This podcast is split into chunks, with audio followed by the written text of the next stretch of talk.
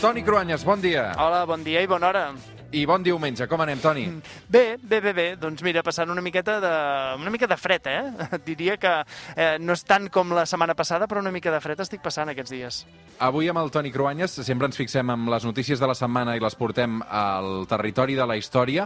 Avui, una de les notícies, sens dubte, és la presidència de Joe Biden, que ja ocupa el despatx oval, el relleu de Donald Trump a la Casa Blanca. Sí, i mira, jo diria que ja que parlem d'història, diguem-ne, des d'aquesta perspectiva, potser el que és més important del primer dia de la presidència de Joe Biden ja va ser la reincorporació dels Estats Units als acords de París per lluitar contra el canvi climàtic. I segurament el més urgent encara, també molt important, va ser reincorporar Washington a l'Organització Mundial de la Salut.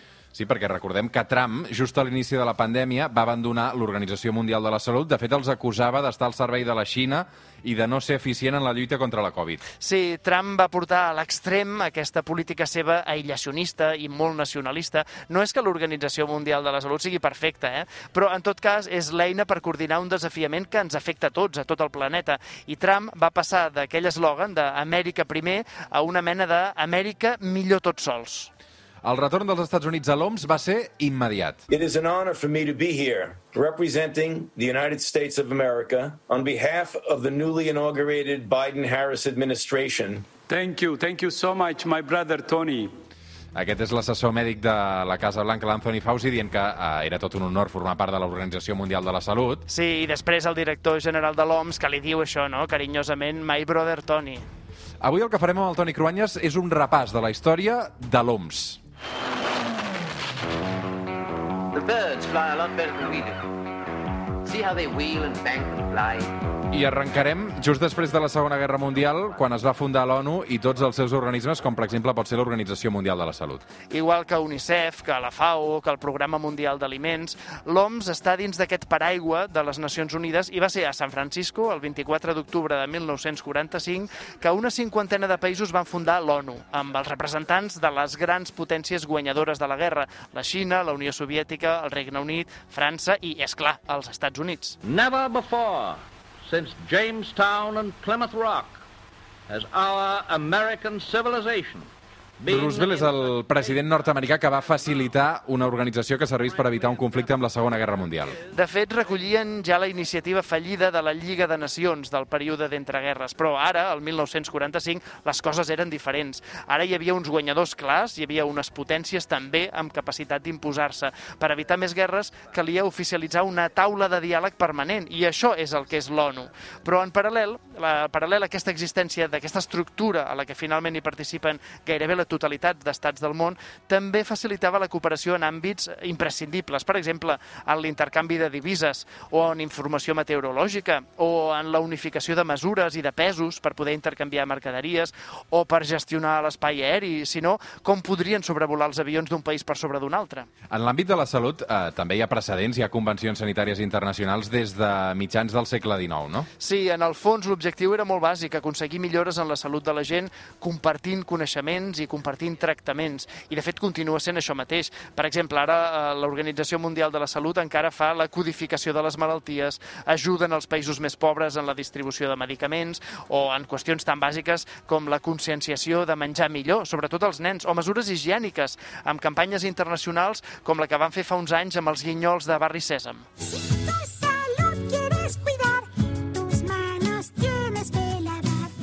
Són alguns dels personatges del, del barri Cèsam recomanant precisament això de rentar-se les mans, eh? Sí, segons l'OMS, la salut és l'estat complet de benestar físic, psíquic i social d'un individu i, per tant, no és només l'absència de malalties. I aquí és on normalment hi ha més feina a fer. Acabar amb la pobresa o generalitzar les instal·lacions de, de vàters, per exemple, per millorar les condicions higièniques de les ciutats més pobres. Aquestes són les millors maneres de millorar la salut en temps normals.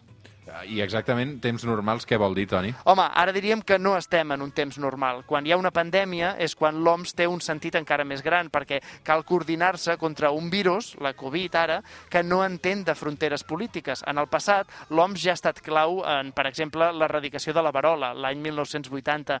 Aquesta va ser la primera malaltia de la història que es va poder erradicar gràcies a l'esforç humà, no, no per un factor natural. I ara estem a un 1% de l'erradicació definitiva de la poliomielitis, que fa un segle afectava una gran quantitat de nens i nenes en països industrialitzats. was bruised and battered, I couldn't tell what I felt. I was I una altra pandèmia, la de la sida, que també va posar en alerta l'Organització Mundial de la Salut. En aquest cas parlem dels 80 i els 90. Sí, tot i que finalment el programa de la SIDA de Nacions Unides treballa ara per l'accés als tractaments per tothom, la SIDA precisament és un exemple històric dels problemes polítics que té també el funcionament de l'OMS. Molts estats no volien acceptar ni l'existència de la SIDA en els seus països perquè inicialment el vinculaven a la homosexualitat, per exemple. Eh, Això era un estigma en què es barrejava política, religió, igual que després en les recomanacions d'ús dels preservatius que xocaven amb l'Església Catòlica o amb molts països tradicionalistes. Eh, Clar, dins de l'organització hi ha països molt avançats i rics, com els nòrdics europeus, o d'altres molt pobres i amb dictadures que afavoreixen la corrupció o el secretisme. El risc nuclear més alt és a Fukushima 1. El sistema de refrigeració de tres reactors va col·lapsar i ara tot passa per injectar aigua de mar i alliberar vapor radioactiu per refredar el reactor. Avui amb el Toni Cruanyes la història de l'OMS. De fet, el paper de l'OMS eh, respecte a l'energia nuclear, eh, desastres com l'explosió de Fukushima l'any 2011, Txernòbil, eh, a Ucraïna, el 1986, eh, també ha aixecat polèmica, no, Toni? Sí, hi ha acusacions de connivència amb les autoritats russes o amb les japoneses per suavitzar les dades de les morts i les conseqüències per la salut global d'aquelles explosions. De fet, també s'acusa l'OMS de tenir tractes amb l'Organització Atòmica Internacional i, per tant, d'ajudar i assessorar aquesta indústria energètica quan el que hauria de fer és denunciar-la i treballar per erradicar-la.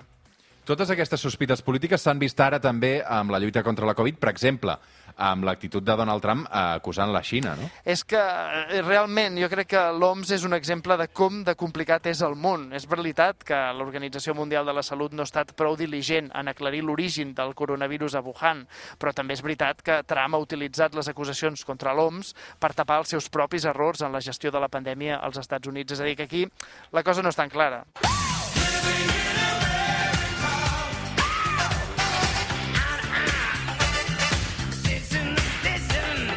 Avui arribarem a les 9 del matí amb una cançó que parla precisament dels Estats Units, de viure a Amèrica. James Brown i el seu Living in America. Toni Cruanyes, cuida't i descansa. Acabem una setmana ben americana, eh? Vinga, fins la setmana que ve. Bon diumenge. El suplement amb Roger Escapa.